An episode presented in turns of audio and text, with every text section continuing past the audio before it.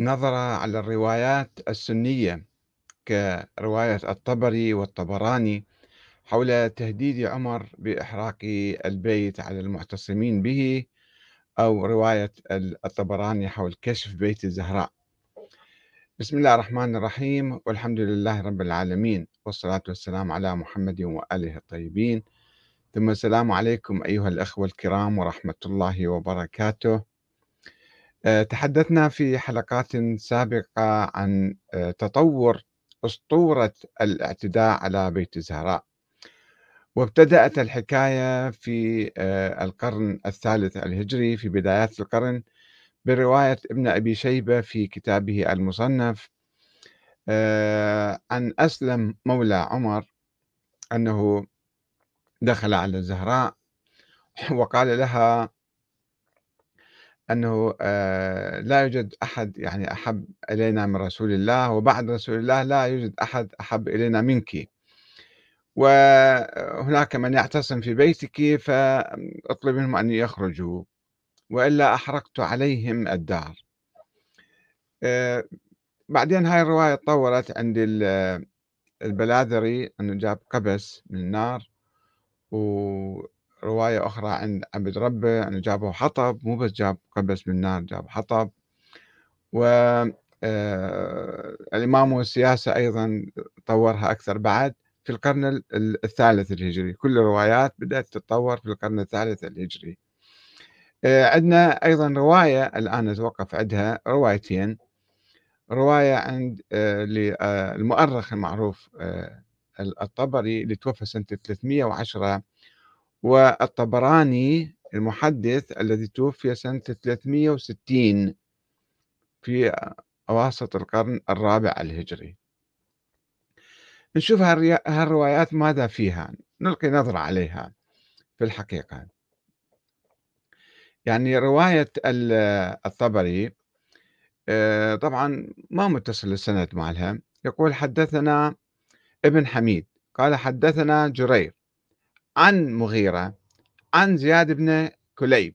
زياد بن كليب متوفى سنة 119 دي ينقل قصة أو خبر ما مسند يعني هو متى ولد حتى ومتى عاش يعني توفى سنة 119 أو 120 المهم يقول قال أتى عمر بن الخطاب منزل علي وفيه طلحة والزبير ورجال من المهاجرين. فقال والله لأحرقن عليكم. أو لتخرجن إلى البيعة. هددهم يعني. فخرج عليه الزبير مسلطا بالسيف فعثر فسقط السيف من يده فوثبوا عليه فأخذوه. وطبعا يجون الناس بعد يكملون هالقصة أنه قال له البيت لفاطمة وقال وإن. هذا ما موجود برواية الطبري ولكن البعض يضيفها. واحد كل واحد يجي يضيف وينقص ويزيد. نجي على رواية الطبراني. آه، الطبراني آه، آه، سليمان بن أحمد الطبراني ينقل رواية واحد عن واحد عن واحد يوصل إلى عن حميد بن عبد الرحمن عن أبيه. قال دخلت على أبي بكر رضي الله عنه أعوده في مرضه الذي توفي فيه فسلمت عليه وسألته كيف أصبحت فاستوى جالسا فقلت أصبحت بحمد الله بارئا فقال أما أني على ما ترى وجع.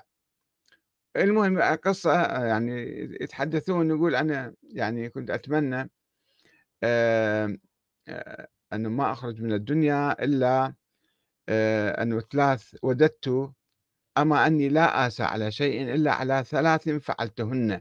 وددت أني لم أفعلهن وثلاث لم أفعلهن وددت أني فعلتهن. وثلاث وددت أني سألت رسول الله صلى الله عليه وسلم عنهن. الشيء اللي فاعله آه، هو كشف بيت فاطمة.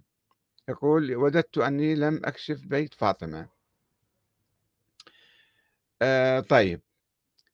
آه، أو تركته. فوددت أني لم أكن كشفت بيت فاطمة أو تركته. يعني نفس القصة مال عمر أنه راح قال لهم اطلعوا برا. فاطلعوا برا هاي كشف كشف البيت يعني طلعهم برا. فهذا ما في شيء لا في هجوم على الزهراء ولا حرق بيت الزهراء ولا مثلا آه، كسر ضلعها ولا آه، إسقاط جنينها ولا شيء هذا كله بعدين نشوفه شلون تطورت في روايات أخرى آه، ألفت فيما بعد. بالحقيقة يعني نشوف هاي قصة صارت يعني ظروف سياسية يعني ربما البعض كان يبرر لعمر هذه الشدة أنه حتى يصير تفرقة بالأمة الإسلامية أو ذيك الأيام. فيريد يعني أنه إمارة أبي بكر تستحكم. هذا ما له علاقة بالدين ما له علاقة بالإسلام. يعني هذا شيء حدث تاريخي. ليش الآن الناس حتى الآن يبحثون فيه ويناقشون فيه؟ ويعني محل جدل بعد 1400 سنة أو أكثر. إن حدثا جزئيا كموضوع كشف بيت الزهراء وإخراج من تحصن فيه من الصحابة ونفترض إجبارهم على البيعة لأبي بكر. لو ثبت ذلك هذا الحدث لو ثبت كان يمكن أن يطوى مع التاريخ فالقصة صارت وراحت قبل 1400 سنة ويذهب مع الزمان في خضم الأحداث والتطورات الكبرى الإيجابية والسلبية التي أعقبت ذلك. ولم يكن ليستوقف الأجيال اللاحقة على مدار الزمان إلى اليوم. لو كان المسلمون ينظرون إلى تلك الحقبة ورجالها نظرة شخصية هاي أحداث شخصية ولم يضفوا عليها مسحة دينية إيجابية وسلبية. إيجابية من طرف ما عرف بأهل السنة أنه هذول يعني تجربة كانت مقدسة هذه وهؤلاء كانوا مقدسين وفعلهم كان صحيح. وسلبية من طرف ما عرف بالشيعة أو الشيعة الإمامية بالذات. وذلك بعد أن حاول أهل السنة اعتبار تجربة الصحابة مقدسة. ومصدرا من مصادر التشريع في الإسلام ورووا عن الرسول الأعظم صلى الله عليه وآله وسلم قوله اقتدوا بالذين من بعد أبي بكر وعمر. فصار عملهم صحيح ومقدس.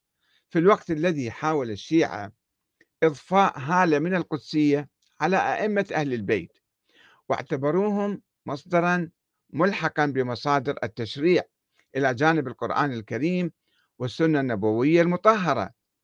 وخاصة بعدما قال الإماميون بنظر بنظرية النص في الخلافة وكونها امتدادا للنبوة فصارت القضية الجزئية الشخصية محل نزاع عقدي بين المسلمين.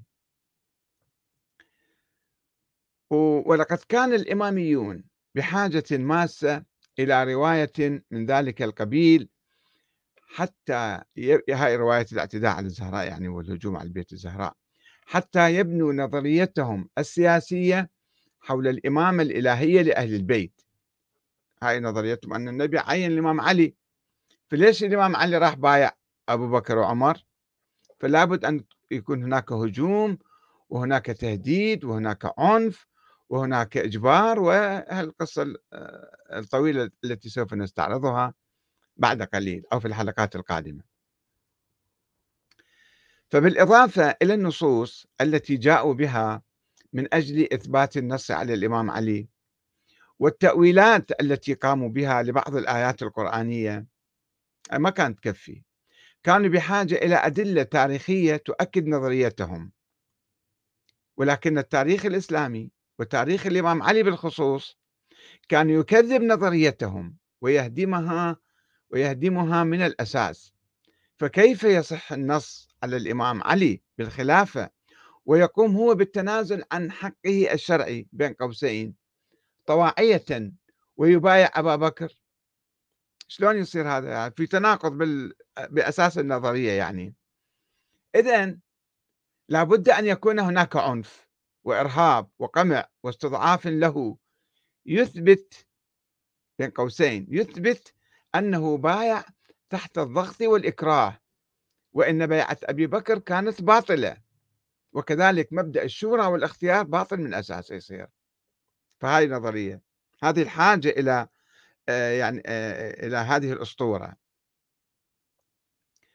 ولكي تتم الصورة لا بأس أن تروى قصة التهديد بحرق الدار عن حفيد عمر بن الخطاب عن ابن مولاه زيد بن أسلم كما في رواية ابن أبي شيبة.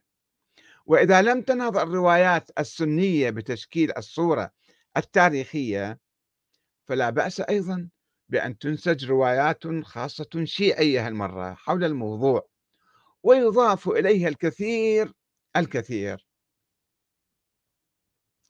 ولعل من المثير للسخرية أن تتم هذه العملية كتابة التاريخ من جديد يعني في القرن الثالث أو القرن الرابع بعد غياب أو فقدان أئمة أهل البيت. في منتصف القرن الثالث توفي الإمام الحسن العسكري ولم يتحدث عن وجود ولد له بالعكس نفى ذلك.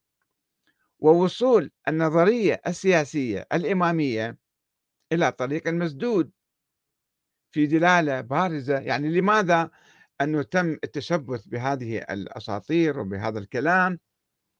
في الوقت اللي انتهت هاي النظرية في دلالة بارزة على غياب العقل الإسلامي وانحدار الحضارة الإسلامية. وإذا ما عدنا إلى أواسط القرن الثالث الهجري فإنا سوف نواجه ما يسمى بالحيرة التي ضربت الشيعة الإمامية بعد وفاة الإمام الحسن العسكري الإمام الحادي عشر سنة 260 للهجرة دون خلف ظاهر معروف وهو ما أدخل شيعته في أزمة حادة أدت إلى تفرقهم إلى أكثر من أربع عشرة فرقة وافتراض بعضهم وهم الاثنى عشرية فريق من 14 فريق. افتراض هؤلاء وجود ولد مستور له قالوا إنه غائب وسوف يظهر في المستقبل. ومن ذلك الحين لم يظهر الإمام المفترض الغائب محمد بن الحسن العسكري. مما أدى إلى أن تصبح النظرية الإمامية نظرية تاريخية ما لها مصداق خارجي. نظرية تاريخية وهمية غير قابلة للتطبيق. ومع ذلك فإن أنصار النظرية ظنوا ظلوا يتحمسون لتأييد نظريتهم ونقد نظرية الشورى والاختيار. نظرية الإمام سقطت. فهم بعدهم لا يزالون لا نظرية الشورى أيضا باطلة. ويحاولون قراءة التاريخ بشكل مغاير لسلوك أهل البيت والإمام علي. وكتابته من جديد. ومن أجل ذلك تشبثوا بحكاية تهديد عمر بحرق بيت فاطمة الزهراء. وحولوا التهديد المفترض إلى واقع تاريخي ثابت. وأضافوا على الحدث كثيرا من الرتوش الأخرى مثل ضرب الزهراء وعصرها وراء الباب وكسر ضلعها وإسقاط جنينها محسن ووفاتها على إثر ذلك. فصارت قضية مأساوية لن تنتهي إلى يوم القيامة.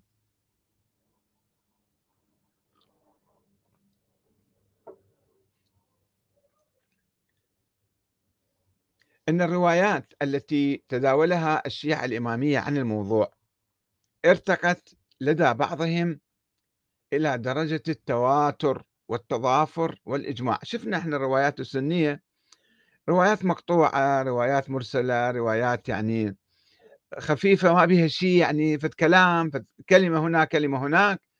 هذه تطورت لا صارت فت حقيقة يعني وشكلت بذلك شبهة أو عقدة في نظرتهم إلى عمر بن الخطاب. ومع أنهم لم يستطيعوا عبرها أن يعيدوا الخلافة إلى أهل البيت ولكنهم نجحوا في زرع العداوة والبغضاء ضد الشيعة في قلوب محبي أبي بكر وعمر من بقية المسلمين. بهالحكي وبهالكلام وبهالأساطير. أن السؤال هو هل كانت هذه القصة أو الشبهة معروفة لدى الشيعة في الأجيال الأولى؟ وهل تستند إلى مصادر موثقة قديمة لدى الشيعة أم إنها وليدة الروايات الأسطورية المختلقة في العصور اللاحقة؟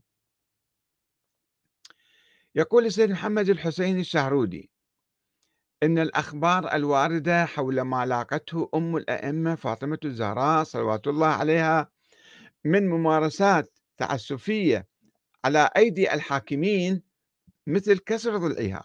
وإسقاط جنينها المسمى بمحسن بن علي ولطمها على خدها ومنعها من البكاء وما إلى ذلك أخبار كثيرة متضافرة متواترة إجمالا. هذه لوفة جديدة تواتر إجمالي يعني.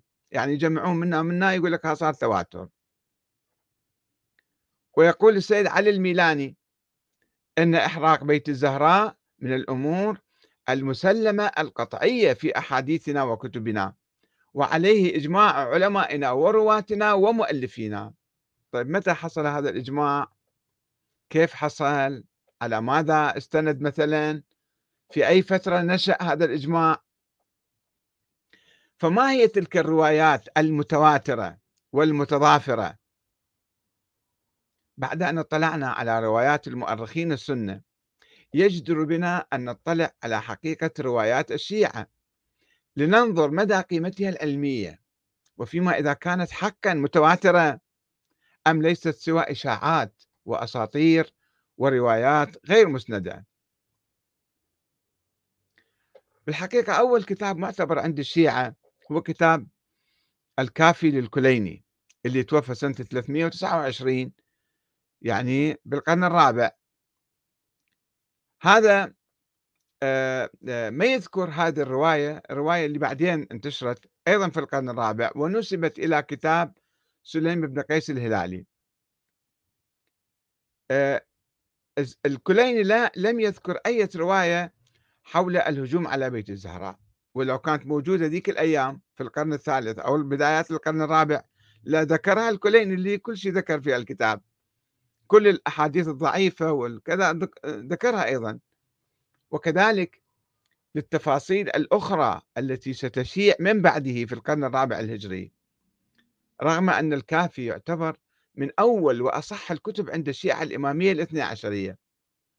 ولكنه مع ذلك لم يذكر شيئا عن حكاية التهديد بالإحراق أو الإحراق الفعلي بالنار أو ضرب الزهراء أو إسقاط جنينها وما إلى ذلك من الروايات المختلقة التي رويت على لسان سليم بن قيس الهلالي في كتابه المزعوم والمختلق. رغم أن الكليني كما يبدو كان يعرف كتاب سليم أو سليم ونقل عنه بعض الأحاديث موجود في في الكافي ويقال أن هذا الكتاب كان يشكل أحد الأصول الأربعمائة التي اعتمد عليها. طيب لماذا لم يذكر هذه القصة التي وجدت في كتاب سليم بعد ذلك؟ إما لتضعيف الكليني للكتاب المذكور أو لعدم وجود هذه الحكايات فيه في ذلك الوقت وإنما أضيفت إليه فيما بعد وهو الأرجح لأنه هذا الكتاب كتاب عجيب غريب كتاب سليم بن قيس الهلالي. على أساس هذا شخص معين اجى من نجد من الصحراء يوم وفاة رسول الله وسجل كان عنده دفتر وقلم أو كمبيوتر ما أدري مسجل كل ما حدث ومنها قصة الاعتداء على بيت الزهراء. ولكن الكتاب ما حد ما كان يعرفه إلا في القرن الرابع. في القرن الرابع وجدت هذه الرواية في هذا الكتاب. الشيخ الكليني اللي آه، رأى هذا الكتاب ونقل عنه في كتاب الكافي. لم يذكر ما وجد في هذا الكتاب بعد ذلك. ثم هذا الكتاب مثل كشكول كان. يوميا واحد يجي يضيف قصة فيه وما كان في طبعات ومطابع وتسجيل أرقام في في الكتب. أي واحد يعني يألف ويحط صفحات ويقول هذا بهالكتاب هذا وكتاب غير مسند ولا أحد يعرفه. فحتى أن العلام المجلسي صاحب كتاب بحار الأنوار يذكر في عنده باب خاص في آه، بحار الأنوار آه، الأحاديث اللي تروى وتنسب إلى كتاب سليم بن قيس الهلالي ولا توجد فيه عنده باب مبوب بهالمعنى بهالعنوان هذا. أنه معناته أنه آه، عبر التاريخ كانوا الناس يألفون قصص وحكايات ويقولون قال آه، سليم بن قيس الهلالي أو وجد في هذا الكتاب وهو ما موجود فيه. ف آه، يعني هذا ما يلقي بظلال من الشك بالحقيقة على كل الروايات التي رويت فيما بعد عند الشيعة واعتقد البعض منهم قديما وحديثا أن هاي الروايات آه، متواترة ومتضافرة ومجمع عليها وأكيد حقيقة مطلقة بكل تفاصيلها.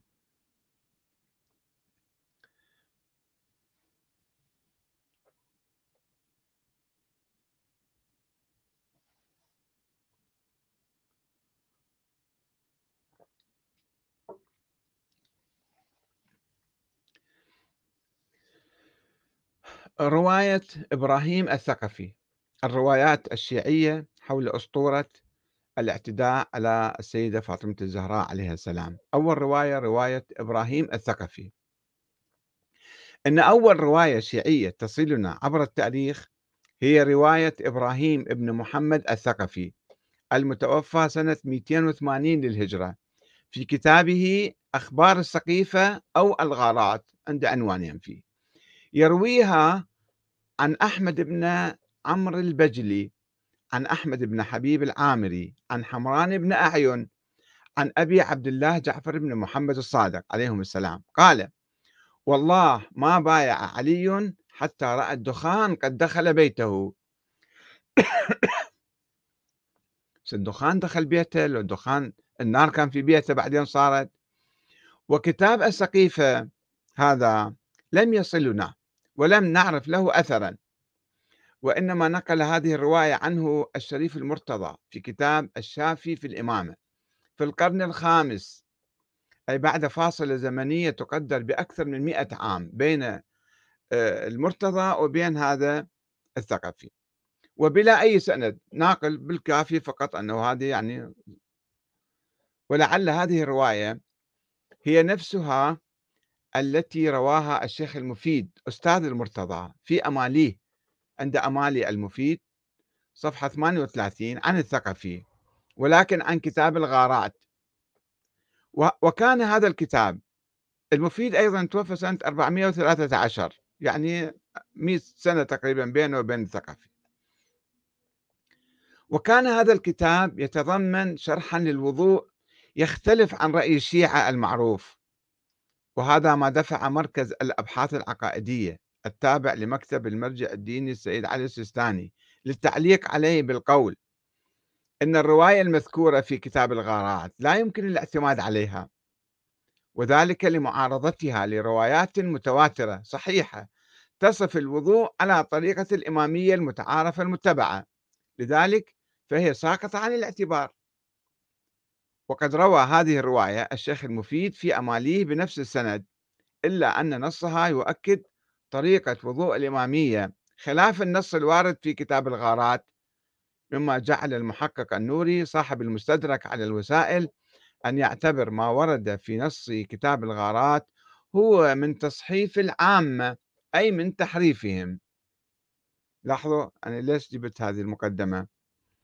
أنه شلون الكتب تنقل وكيف آه، تعتمد وكيف يشكك فيها بعد ذلك. فهذا هم متوقفين عند نقطة في هذا الكتاب اللي عندهم وهذا ما يؤكد تعرض الكتاب المذكور غير المسند ما جاي بالسند واحد واحد هو كتاب موجود إلى تعرض هذا الكتاب إلى تلاعب وتحريف وتصحيف حسب ما الشيعة يقولون الآن هذا في رواية كل واحد جاي كاتبه بشكل. ومع ذلك فإنه لم يصل لنا ولم نعرف عنه شيئا. فكيف يمكن أن نثق بأية رواية فيه يرويها رجال جاءوا بعده بسنين طويلة؟ يمكن واحد داس الرواية بهذا الكتاب. أنه عن الإمام الصادق قال كذا وكذا. وكيف يمكن أن نصدق رواية الثقفي عن الإمام الصادق حول عدم بيعة الإمام علي لأبي بكر إلا بعد رؤيته للدخان في بيته؟ وهل يمكن اعتبار هذه الرواية مسندة وصحيحة؟ الكتاب مشكوك فيه والشيعة يقولون ملعوب فيه فهذا جزء من اللعبة اللي حاصل فيه. وإذا كان يمكن للعامة أن يحرفوا الكتاب كما يقولون فلماذا لا يمكن للخاصة يعني الشيعة أن يفعلوا ذلك ويضيفوا عليه ما يشاءون؟ فإذا هاي الرواية اللي تنسب إلى كتاب الغارات للثقفي اللي يرويها بعدين المفيد ويرويها المرتضى ربما هم مسويها أو ناس مسويها آخرون وهذول ينقلوا عنها. أنه قال إيه هذا توفى في القرن الثالث ويذكر هاي الرواية. فالروايات كانت مصنع. الروايات من أكبر مصانع التاريخ الإسلامي. مصنع الروايات. دائما الناس يصنعون روايات وينسبوها ويدسوها بالكتب. فشلون نعرف شلون نتأكد؟